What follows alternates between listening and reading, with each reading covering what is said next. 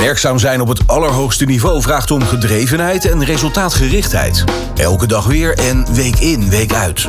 Wie zijn deze key players? Wat drijft hen? Wat doen ze in hun vrije tijd en hoe gaan ze om met de druk van hun publieke functie? Dit is OmniTalks. Welkom bij het vijfde seizoen van de serie OmniTalks. Dit seizoen noemen we het Duurzaamheidsdenkers. We praten met mensen die aan de basis staan van het duurzaamheidsbeleid van de komende jaren. Ik ben Ron Lemmens en vandaag doe ik dat samen met Elie Schim van der Loef, Senior Public Affairs Adviseur bij Omnicom PR Group. In deze aflevering praten we met Tjeerd de Groot. Sinds 2017 woordvoerder Landbouw en Natuur in de Tweede Kamer voor D66. En bij de verkiezingen in november 2023 dus ook opnieuw kandidaat. Hij was de rechterhand van landbouwminister Brinkhorst en was zes jaar directeur van de Nederlandse zuivelketen. En zet zich nu in om de veestrabel te halveren. Dit is OmniTalks op Nieuw Business Radio. Geert, van harte welkom. Goedemiddag. We hebben vooraf met elkaar eh, besproken dat we gaan tutoyeren. Ja. Ja, leuk dat je er bent, Cheert. Cheert, hoe zit het met de spanning voor de verkiezingen? Ja, nog twee dagen en we hebben de laatste weken met het hele team alles gegeven om alles laten zien. Wat zijn onze ideeën? Wat is onze oplossing voor Nederland? Hoe geven we nieuw, nieuwe energie aan Nederland? En uh, nu maar hopen dat de kiezer dat ook waardeert. Ja, het straalt van je af. Je zit hier uh, echt enthousiast, kan ik zien. Ja, het is ook we hebben natuurlijk veel debatten. Ik heb er ongeveer 25 gehad nu. Uh, je gaat ook het land in. Je gaat in gesprek met de mensen. En uh, nou, heel veel mensen reageren positief. Heel veel mensen ook afwachtend. Die hebben toch een keuze nog niet gemaakt. En, en, en eerlijkheid ook. mensen zijn kritisch over ja, wat de politiek belooft. En wat je uiteindelijk waarmaakt. En dan probeer je ze toch te laten zien, want ja, het is niet altijd even zichtbaar, van wat we in ieder geval geprobeerd hebben. Ja, nou, en ik denk dat deze podcast er vandaag bij gaat helpen. Want ondanks die 25 debatten, al je interviews, heb je nog niet met iedereen in Nederland gesproken. Nou, dit, dit gaat daar ongetwijfeld bij helpen. Uh, ja, we hebben het vandaag natuurlijk over de verkiezingen eerst, maar ook vooral over de periode die daarna aanbreekt. Um, met duurzaamheid, welke kant we op gaan. Hoe zie jij dat precies? Nou ja, we hebben natuurlijk laten zien in de afgelopen anderhalf jaar met, met Rob dat als je echt uh, de kop te zet, dat je een enorme slag kunt slaan. Hè. De helft van de, uh, duur, van de elektriciteit komt nu van de Noordzee. Um, en er is heel veel gebeurd. En ja, wat ik hoop is dat uh, wij weer kunnen bijdragen aan een coalitie die dat voortzet. Want er moet nog heel veel gebeuren. Ook als het gaat om de, de netcapaciteit. De, ja, die, die wind op zee, dat is eigenlijk de, de groene motor van onze economie. Maar dat betekent ook dat we ja, grote bedrijven, energie-intensieve bedrijven, die altijd hebben geprofiteerd van het aardgas, straks op de groene waterstof moeten zetten. Dus ja, er komt nog een heel groot avontuur achter, achter vandaan. Ja, en uh, nou, ik hoop dat we dat kunnen voortzetten. Ook om de mensen uiteindelijk toch een uh, ja, goed uh, geïsoleerd huis te geven met uh, zon op het dak en een lage energierekening. Um, Cheert, ik stap even in de huid van de ondernemers. Um, er wordt veel gevraagd van ondernemers om te gaan verduurzamen. Met name ook straks elektrisch gaan rijden. Zero-emissiezones die eraan komen. Uh, maar we hebben een tekort aan netcapaciteit. Terwijl die reglementen straks vanaf 2025 in sommige gemeenten al ingaan. Hoe, hoe zie je dat? Nou, dat is echt een enorme uitdaging. Ja. Uh, mijn, mijn vorige collega in de vorige fractie, uh, Matthijs Sinot, heeft toen al een initiatiefnota. Die heeft alarm geslagen over die netcapaciteit. Uh, toenmalig minister Wiebes, nou, die zei het gaat allemaal wel goed. nou, dat bleek dus niet zo te zijn. En Rob Jette heeft nu onlangs, volgens mij, ja, meer dan 100 maatregelen voorgesteld. Om, en ook echt onorthodoxe maatregelen om anders om te gaan met dat net. Afgezien van bijbouwen zul je dus bijvoorbeeld op bedrijventerreinen veel meer energie moeten gaan uitwisselen. Zorgen dat je met elkaar afspreekt wie wanneer uh, dat net uh, gebruikt. Uh, en je zult als overheid ook moeten zeggen, nou ja, als wij op een gegeven moment moeten zeggen van wie er wel op het net mag en wie niet, ja, dan zullen wij, wat D66 betreft, voorrang gaan geven aan die bedrijven, ja, die al in die groene stroom zitten en, en niet de bedrijven die denken, ik kan nog wel achteraan lopen, want dan mag je ook achteraan sluiten bij dat net. En er staat een hoop te gebeuren. Hè? Uh, we noemen net een van die onderwerpen. Als we nu naar de peiling kijken, de peilingen, dan um, ja, het lijkt er niet op dat we heel snel een nieuw kabinet hebben. Hoe zie jij dat? Zijn jullie bijvoorbeeld bereid om snelle concessies te doen of mee te doen om maar weer aan de slag te gaan, om weer aan het stuur te zitten, om te vervolgen wat jullie eigenlijk al doen nu in het kabinet? Nou, ik heb gezien op het moment dat je samenwerkt en vanuit je idealen kijkt wat er met de andere partijen uh, wel te realiseren is de, van je verkiezingsprogramma en van je idealen, dat je echt grote stappen kunt zetten. Moet je ook af en toe een concessie voor doen. Maar een aantal terreinen zijn voor ons wel heel erg belangrijk, zoals klimaat. Daar kunnen we ons niet veroorloven om op de rem te gaan staan. Of uh, ja, bij mijn dossier, de natuur. Um, ja, daar kun je ook, daar zul je dus echt uh, ook dat moeten doen wat al de wetenschappers je aanreiken. Um, uh, om die natuur, uh, ja, om aan de wet te voldoen. Hè, maar mocht de, uh, en ook om de natuur gewoon te gaan herstellen en het water schoon te krijgen. Daar hebben we allemaal afspraken over. Dus wat dat betreft denk ik dat het wel goed is dat we een soort bottom line hebben over wat wil je wel bereiken. En dat gaat toch over die wettelijke afspraken die we in Europa hebben gemaakt. In Omnitalks belichten we net even de andere kant van prominente vakmensen. Hoe? Door onze gasten te vragen naar drie van hun meest bijzondere tekst- of audiofragmenten waar ze inspiratie Omnitalks. Fragment 1. Ja, het eerste fragment is een uh, muziekfragment uit de Matthäus Passion. Erbarme dich.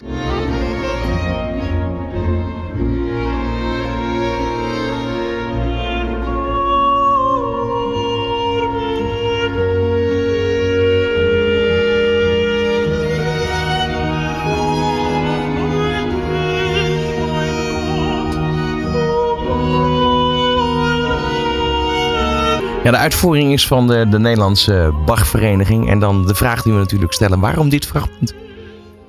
Ja, dit is verreweg, dit is zo'n indrukwekkend muziekstuk. En dat niet alleen, het werkt bij mij heel erg lichamelijk. Ik krijg nu ook meteen weer kippenvel. Uh, ik hou het nooit droog als ik hier naar luister.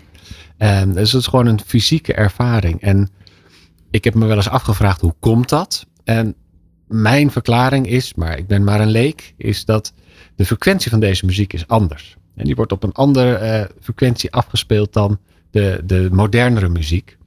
En uh, soms zie je wel eens een parallel met hier zit echt nog deze muziek gaat recht het hart in. En dat is ook de verbinding die je hebt met de natuur. We hebben in onze moderne tijd eigenlijk steeds meer hekjes gezet om alles wat we doen. En soms lijken we wel een beetje vervreemd van, van die natuur. Dus eigenlijk zeg je puurheid. En dit is, jij zegt het heel mooi. Dit is, dit is puur mens in verbinding met zijn omgeving.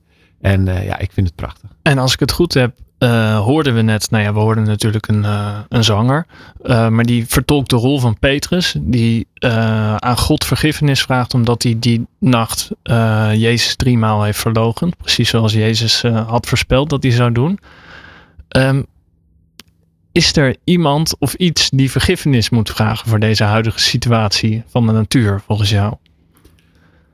Ja, dat is wel een hele mooie vraag. Kijk, die natuur die heeft ons niet nodig. Maar wij hebben de natuur wel nodig. En dat realiseren we ons niet uh, altijd even goed, maar de natuur geeft ons schoon water. Uh, geeft ons uh, die rijkdom in de biodiversiteit. Een rijkdom van waaruit je ook weer voedsel kunt gaan, gaan produceren. En als we het goed doen, dan geeft de natuur ons ook schone lucht. De aarde is een fantastisch ding, want je hoeft er eigenlijk niks aan te doen en ze blijft bestaan. En de grote uitdaging van de politiek is, is dat we ons bestaan zodanig inrichten dat we met die ene aardbol ook uit kunnen. En als we het dan hebben over um, die bedrijven in Nederland, laten we het daar even over hebben. Wat voor cijfer zou je die geven op basis van hoe ze het nu doen? Nou, er zijn heel veel bedrijven die uh, al echt nou, hebben gezien dat, je, uh, dat het ook economisch verstandig is om gewoon uh, ja, al de groene tour op te gaan. duurzaam te gaan ondernemen. Het zijn vaak de cijfers met, de, de bedrijven met dubbele groeicijfers. Um, je zegt het, het loont economisch om het te doen. Het loont economisch. En ik kan me voorstellen ook dat het voor jonge mensen veel leuker is om bij zo'n bedrijf te werken. Waar ja, uiteindelijk uh, ook bijdraagt aan uh, een mooie toekomst voor onze kinderen. Maar goed, er zijn dus ook bedrijven die dat nog niet doen. En als je die twee zo tegen elkaar afweegt, wat is dan een gemiddeld cijfer dat voor jou daarbij past? Ja, nou dan, dan, dan, dan denk ik, ja, dat is altijd lastig. Maar laten we, laten we onszelf positief een 7 geven. Dat betekent dat er nog heel veel te doen is. En uh, dat betekent ook dat we naar bedrijven die uh, ja, nog niet duidelijk zijn over hun uh, toekomst, ik noem maar even Tata Steel, dat wij dan als politiek duidelijk moeten zijn. als D66 zeggen we nou Tata Steel, we hebben groen staal nodig in Europa. Wat ons betreft ook in Nederland, maar dan wel zonder kolen. Mhm. Dus wij willen in de wet dan opnemen, in 2030 gebruik je geen kolen meer. Van onze kant gaan we er alles aan doen om dat ook mogelijk te maken. Dat die groene waterstof er dan ook is voor Tata. Maar zij moeten ook die investering gaan doen. En het grappige was dat Rob Jetten die eh, belde dan eh, de CEO van Tata Steel op. Van ik ga dit morgen bekendmaken. En die werd niet boos, de CEO. Maar die zei dankjewel voor de duidelijkheid. Daar kon hij intern op mee, met die duidelijkheid.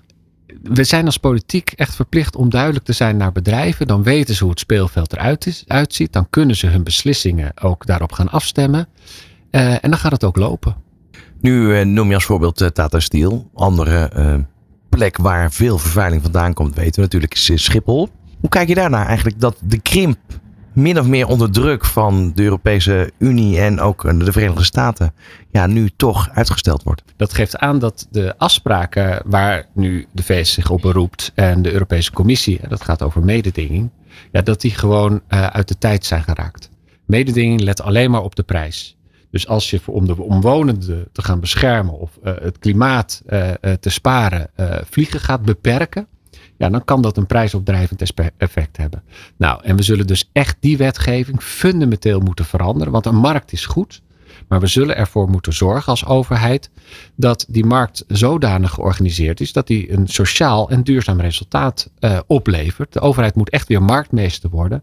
En veel huidige wetgeving die laat dat gewoon niet zien. Maar is dit nou niet juist een van de sectoren die bij uitstek internationaal is? En dit geeft het ook aan. Uh, wat gebeurt er als Nederland dat in zijn eentje gaat doen? Nou, soms moet je de moed hebben om het dan te doen en kom maar op. Uh, maar in dit geval zullen we echt die Europese mededingingswetgeving, die zal op de schop moeten. En dat is een lange weg. Dat is een lange weg. Uh, maar ik denk dat je op een aantal terreinen ook gewoon voor kunt lopen en kunt zeggen, ja jongens, zo doen we het in Nederland. Want uiteindelijk hebben we ook hier de mensen te beschermen. De politiek is echt voor het algemeen belang daar. Mm -hmm. ja, het, het lijkt me wel een heel lastig dossier, die luchtvaart.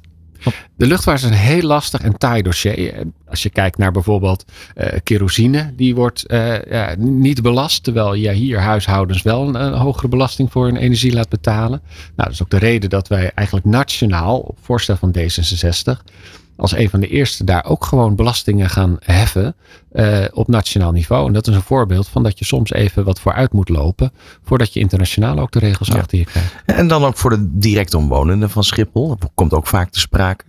Toch is ook de vraag van ja, maar als je daar gaat wonen in Schiphol, bestaat daar al heel wat jaren. Dan weet je dat dat overlast kan op opleveren, toch? Nee, kijk, als je daar gaat wonen, moet je, er, moet je ervan uit kunnen gaan. Uh, of je woont er al heel lang. Uh, dat de overheid jou beschermt tegen die overlast. En dat de overheid zich als allereerste, en eigenlijk Schiphol is een overheidsbedrijf, laten ja. we daar geen doekjes om winden. En dan zal Schiphol moeten zorgen dat je uh, je gewoon aan de afspraken en aan de wet houdt. Je gaf net aan dat bedrijven erbij gebaat zijn dat, dat die uh, CEO van Tata eigenlijk blij was met, met het telefoontje van Jette. Wat vind jij dat de bedrijven zelf moeten doen? Wat is hun verantwoordelijkheid hierin, in deze transitie? Ja, nou de verantwoordelijkheid is in ieder geval te zorgen dat je als bedrijf overleeft en dat je winst maakt. En dat je zorgt dat je daarmee uh, ook iets bijdraagt aan, aan de maatschappij. Dat zullen we als, politiek ook moeten organiseren. Dat bedrijven het kunnen meemaken, zullen we ook als politiek moeten doen. En mijn uh, collega Romke de Jong heeft zich als ondernemer in de Kamer, ook duurzaam ondernemer in de Kamer. Hij heeft een ijsfabriek, de meest duurzame ijsfabriek van Nederland. Heeft zich bijvoorbeeld echt met succes ingezet om ondernemers goedkopere leningen te kunnen geven. Hè? Want dat je tegen 2,5% rente voor uh, kunt lenen voor, voor duurzame investeringen. Uh, ook zullen we als overheid moeten zorgen dat die vraag op gang komt. Nou, bijvoorbeeld nou, circulair meubilair bij de overheid. De overheid is een grote opdrachtgever. Of naar biologisch eten in alle kantines van alle gemeenten en provincies en het Rijk. Dus op die manier zullen we als overheid daar echt ook ja, voor moeten kiezen. En die duurzame ondernemers ook echt stimuleren om uh, die weg op te gaan. We hebben bedrijfsleven en politiek behandeld, maar ik ben vooral benieuwd naar die wetenschap. Wat, wat zie jij, uh, wat is hun rol in deze, dit belangrijke debat? Ja, ik kom zelf uh, ook uit, uit de wetenschap, uh, in, in een ver verleden weliswaar. Maar uh, de wetenschap heeft een ongelooflijk belangrijke rol als het gaat om het aanreiken van, van de feiten. het gebeurt in de politiek nog wel eens dat ja, als, als 98% van de wetenschappers, hè, verenigd in, in het internationale klimaatpanel IPCC, zegt nou de opwarming van de aarde wordt onmiskenbaar door de mens veroorzaakt dat je toch nog veel te veel politieke discussies hebt over of dat wel zo is. Want dat leidt alleen maar af van de oplossingen. Hmm. En het is, lijkt soms wel eens de strategie van dat soort partijen om vooral veel twijfel te zaaien. Um, en dan is het zaak om de wetenschap heel erg te beschermen, serieus te nemen en natuurlijk ook te blijven investeren. En dat is D66 ook, kun je in ons verkiezingsprogramma zien, in de toekomst van de wetenschap en dat er genoeg geld is. Dit is Omnitalks op Nieuw Business Radio. Fragment 2. Je tweede fragment, eh, Tjeerd, gaan we horen. Een opname van jouw toespraak op het Malieveld uh, tijdens de boerenprotesten. Zand in de ogen strooien. We gaan het samen doen. Met de boeren. Zodat we met elkaar deze problemen gaan oplossen. Voor de natuur en voor jullie Mag ik even vragen, Tjeerd, hoe lang duurde deze toespraak? Nou, volgens mij had ik, een, uh, had ik 30 seconden of een minuut.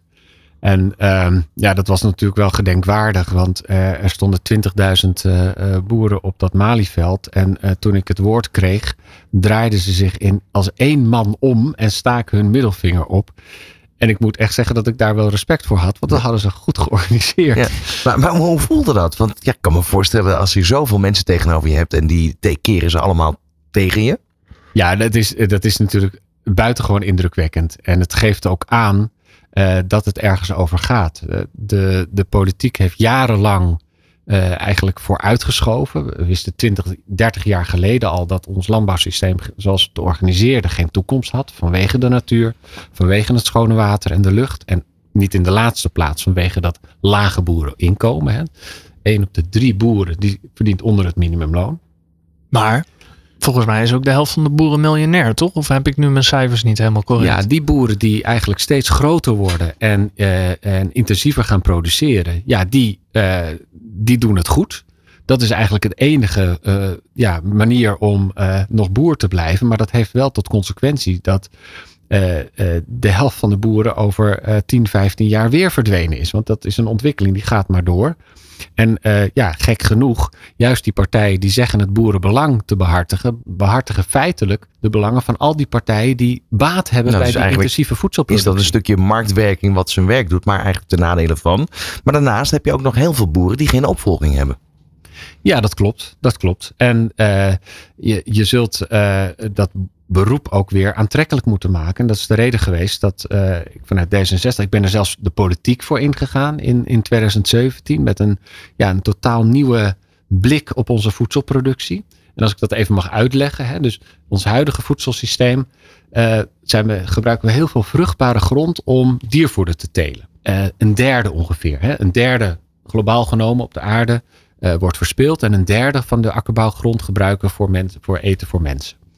Nou, en je hebt altijd een paar kilo diervoeder nodig voor één kilo dierlijk eiwit. Dus het dier is heel erg inefficiënt, een grote voedselverspiller in onze, in onze, uh, in onze landbouw. En als je met dit voedselsysteem 10 miljard mensen wilt voeden, dan heb je drie aardbollen nodig. Nou, dat is heel makkelijk, dat hebben we niet.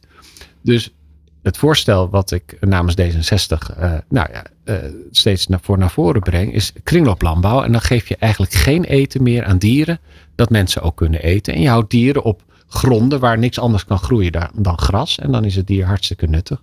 Maar dat betekent wel een veel kleinere veestapel. En dat betekent een ingrijpende verandering ook van de economie, omdat je wat minder intensieve productie krijgt. Nou, ook daar hebben we voorstellen voor gedaan om daar de verwerkende industrie, de bedrijven, de voedselbedrijven, veel meer verantwoordelijkheid uh, in te geven. Want je kunt wel elke keer bij die boer aankloppen wat hij nu weer moet doen. Maar ja, je zag op dat Malieveld dat ze uh, dan het gevoel hebben dat ze weer iets nieuws moeten en dat zien ze niet zo gauw zitten. Is, is het verhaal ook wat dat betreft gewoon heel lastig en ingewikkeld uit om uit te leggen? Ja, het is, het is, dat merk je nu al, hè, ingewikkeld om uit te leggen. Hoe ziet dan zo'n duurzame economie eruit? Hoe ziet de overheid er als marktmeester? Hoe ga je dat precies doen? Hoe ga je het principe van de vervuiler betaalt, wat iedereen wil doorvoeren, wat bij het klimaat al is gebeurd, wat goed werkt, maar in onze landbouw nog niet. Ja, en dan krijg je dus ook verliezers. Uh, vooral die toeleveranciers, de veevoerfabrikanten, de kunstmestverkopers, de bestrijdsmiddelenverkopers. Dat zijn de verliezers van ons voorstel. Ja, en die ze gaan uh, zich organiseren.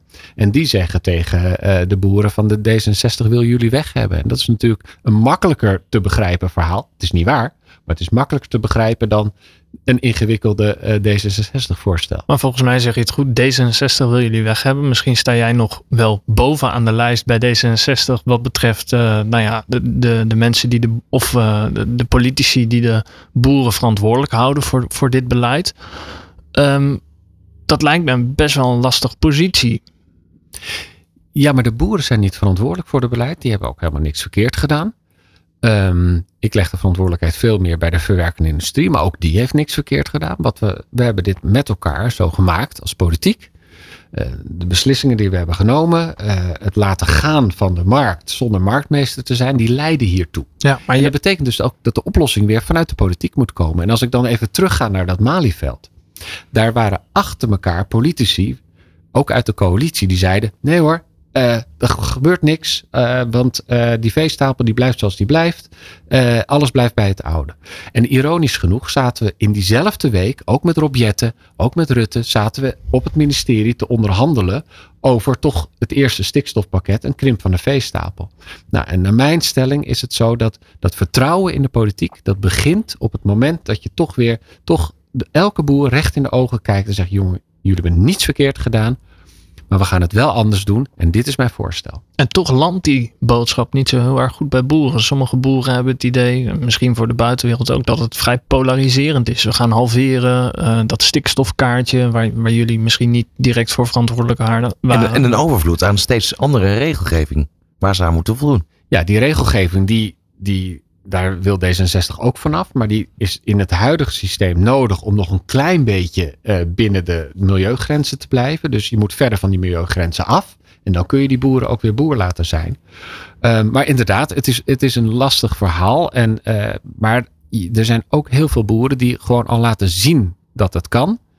Um, en die, uh, die hoor je toch wat minder. het is ja, toch die 90% van de boeren die toch gewoon willen uh, uh, horen hoe het precies zit. En wat er ont aan ontbrak de laatste jaren, is dat uh, D66 weliswaar duidelijk was, maar dat de, de regering en de minister van Landbouw in het bijzonder, die de opdracht had om dit idee van die kringloopbaar landbouw en die economie verder uit te werken, ja, dat hij eigenlijk niet met een voorstel kwam. en dan blijft hij onduidelijk.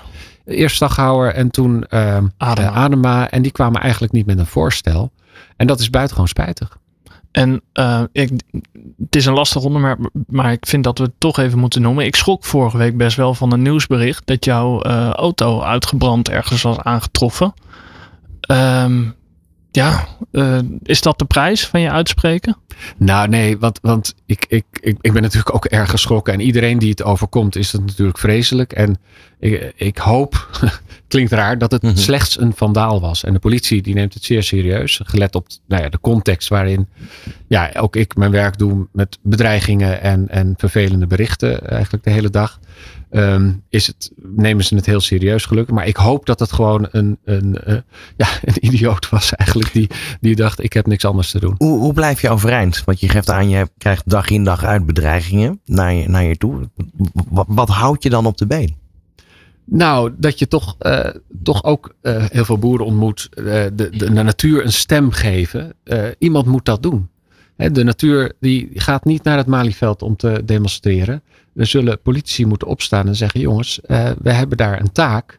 En nou ja, dat, dat geeft ook heel veel voldoening. En daar sta ik met plezier elke dag voor op. Oké. Misschien nog even over D66 en de richting die jullie inslaan. Rob Jetten, we hebben het al een paar keer, zijn naam is een paar keer voorbij gekomen.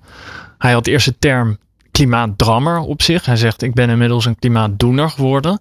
Zie jij die ontwikkeling van jullie partij ook zo? Dus bijvoorbeeld het halveren van de veestapel, dat staat op de kaart. Daar heb je een, een grote bijdrage aan geleverd. En nu gaan we misschien meer genuanceerd verder kijken, verbindend. Ja, ik, ik, ik draai zelf al heel lang mee, uh, 20, 30 jaar. En ik zag altijd dat die landbouwproblematiek maar vooruitgeschoven kon worden. En op een gegeven moment was het dus nodig om, hè, als je al heel, heel vaak roept, jongens, het gaat niet goed met de natuur. Uh, of de natuur halveert, dan luistert er niemand. Maar als je zegt de veestapel uh, hanteert, dan opeens heb je de aandacht en uh, dan gaat het ergens over. En nu is er ook geld voor de toekomst voor de landbouw. Nu staat het hoger op de agenda en nu kunnen we inderdaad naar de oplossingen. Dit is Omnitalks op Nieuw Business Radio. Fragment 3. Ja, Tjert, het, het derde fragment. Dat is een persoonlijke brief van uh, de beroemde schrijver J.J. Voskuil. Uh, aan jou gericht, een persoonlijke brief. Ja, dat, uh, die bewaar ik nog steeds uh, met, met heel veel plezier. Ik was, ik was een, dat was in de tijd dat ik voor uh, Laurens-Jan Brinkhorst werkte. En dat was ook nog voordat er een Partij voor de Dieren in de Kamer was. En ik zei, je moet echt iets met dierenwelzijn als, als thema. En dat, ik kreeg het er niet echt door bij hem. En toen dacht ik, toen hoorde ik een verhaal van Voskuil, die toen ook voorzitter was van Varkens in Nood. En die vertelde eigenlijk hoe de, de, de schaamte uit de veehouderij uh, was verdwenen in, in zijn uh, observatie. En dat raakte me. En ik denk, nou, dan zet ik die andere gedistingeerde heer bij Brinkhorst aan tafel. Hmm. En dat werkte. En toen mocht ik uh, met een groep enthousiaste ambtenaren aan de slag met de eerste nota over dierenwelzijn. En die had de mooie titel Houden van dieren. En toen die uitkwam, kreeg ik de volgende brief van Voskuil. Ja, je gaat een stukje lezen. Gracht heer Groot. U bent een man van uw woord, maar ik had niet anders verwacht. Dat ook u uh, uh, trots zal zijn, kan ik me voorstellen. Het is een voortreffelijk werk. Ik neem aan dat u daar een belangrijk aandeel in hebt gehad. Maar dat Brinkhorst dit onderschrijft is van doorslaggevend belang. U mag hem daarmee complimenteren als hij mijn naam nog horen wil. Een klein stukje uh, voor de helderheid, Brinkhorst, toenmalig minister. Toenmalig minister van Landbouw, die bracht die, die, uh, die nota uit. Alleen ondertussen was de Monte-Clausier-crisis uh, opgekomen. En ja, Brinkhorst moest natuurlijk uh, ja, die ziekte bestrijden en het afschuwelijke werk doen om, om ja, die, al die koeien te doden. En, want dat, was, nou, dat waren de, de afspraken die daarover in Brussel waren. En zo moest dat. En dat was natuurlijk afschuwelijk. Maar Voskuil die was daar ook echt tegen. En ja, dus die schreef een stuk in trouw met, uh, ja, de, de, minister moet zichzelf schamen. En nou, daar was Brinkhorst best wel ontdaan over. en uh, dus daarom schrijft hij ook daar, uh, als hij mijn naam nog horen wil. en nou, ik geloof dat dat wel het, wel het geval was. Ja, we zijn, ik kijk even naar Ron en volgens mij zitten we wel zo op dezelfde lijn. Fijn dat jij de brief voorlas. Want uh, het is een gigantisch schrijverstalent natuurlijk, maar hij had wel een beetje een doktershandschrift, hè? ja, ja, precies. Ik moest ook even mijn best doen, maar uh, dit was ja, wel het, is, het is gelukt in ieder geval. ja, ja en, en misschien ook weer hier. Hoe, hoe relateert dit aan uh, jouw beeld van duurzaamheid? Is het misschien dat iemand vanuit de maatschappij, nou ja, een schrijver, misschien verwacht je het niet direct, dat hij daar ook wat van vindt en dat jij dan toen als politiek assistent daar ook de brug probeerde te slaan?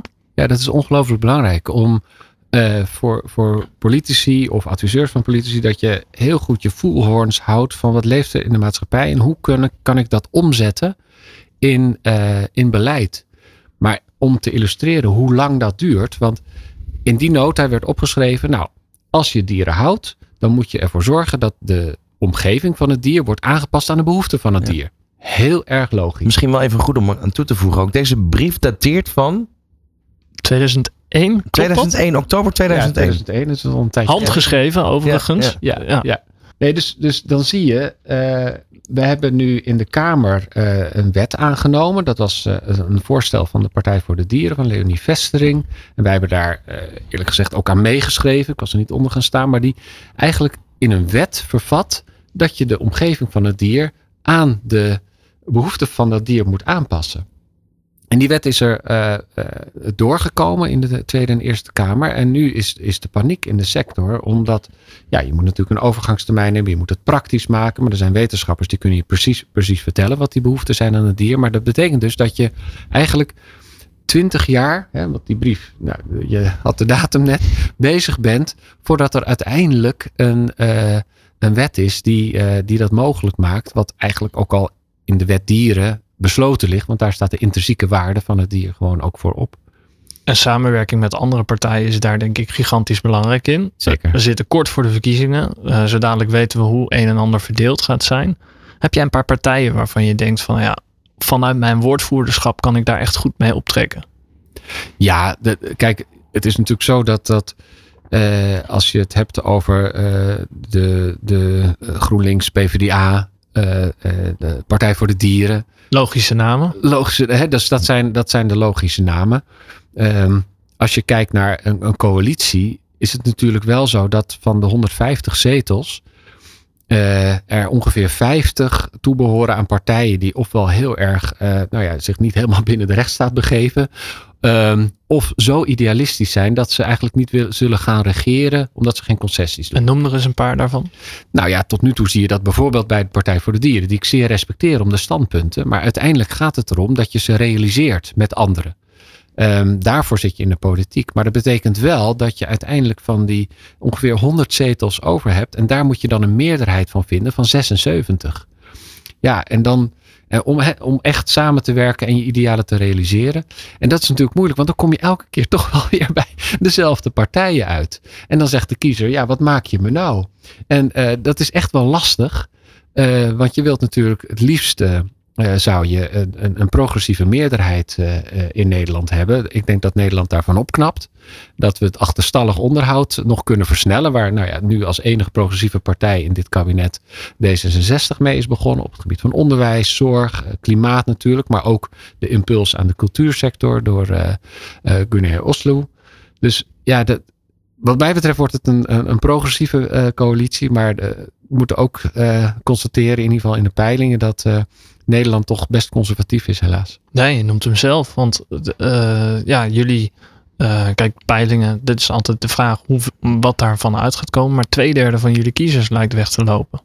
Ja, ja dat, is, dat, is, uh, dat is natuurlijk. Laten we hopen dat, dat, dat we dat in de eindsprint de komende twee dagen nog gaan, gaan herstellen. Maar, heb, heb jij enig idee waardoor dat komt? Nou, ja, dat, dat vind, ik, vind ik een hele lastige. Maar je, je spreekt de mensen op straat. En ik sprak gisteren een, uh, een, een leraar van, uh, van 66. Die had eigenlijk op zijn, zijn tandvlees zijn pensioen gehaald. En uh, die had nog veel contact met andere leraren die nog steeds werkzaam zijn in het onderwijs. En aanlopen tegen, nou ja, toch klassen waar ook gedragsproblemen spelen. Waar taalproblemen spelen. Waar gezinssituaties zijn die moeilijk zijn. Um, en ja, dan hebben wij een enorme recordinvestering gedaan in het onderwijs. Die salarissen zijn uh, erbij getrokken. Um, maar ja, in die anderhalf jaar tijd is dat dus, en dat leert mijn gesprek zo, nog niet zichtbaar op die werkvloer. Die leraren hebben nog steeds moeilijk. En um, ja, dat is dus, uh, ik kan me voorstellen dat je dan zegt, ja, waarom is het nog niet geregeld? En, en het zou kunnen dat dan een kiezer zich afkeert. Ik hoop het niet.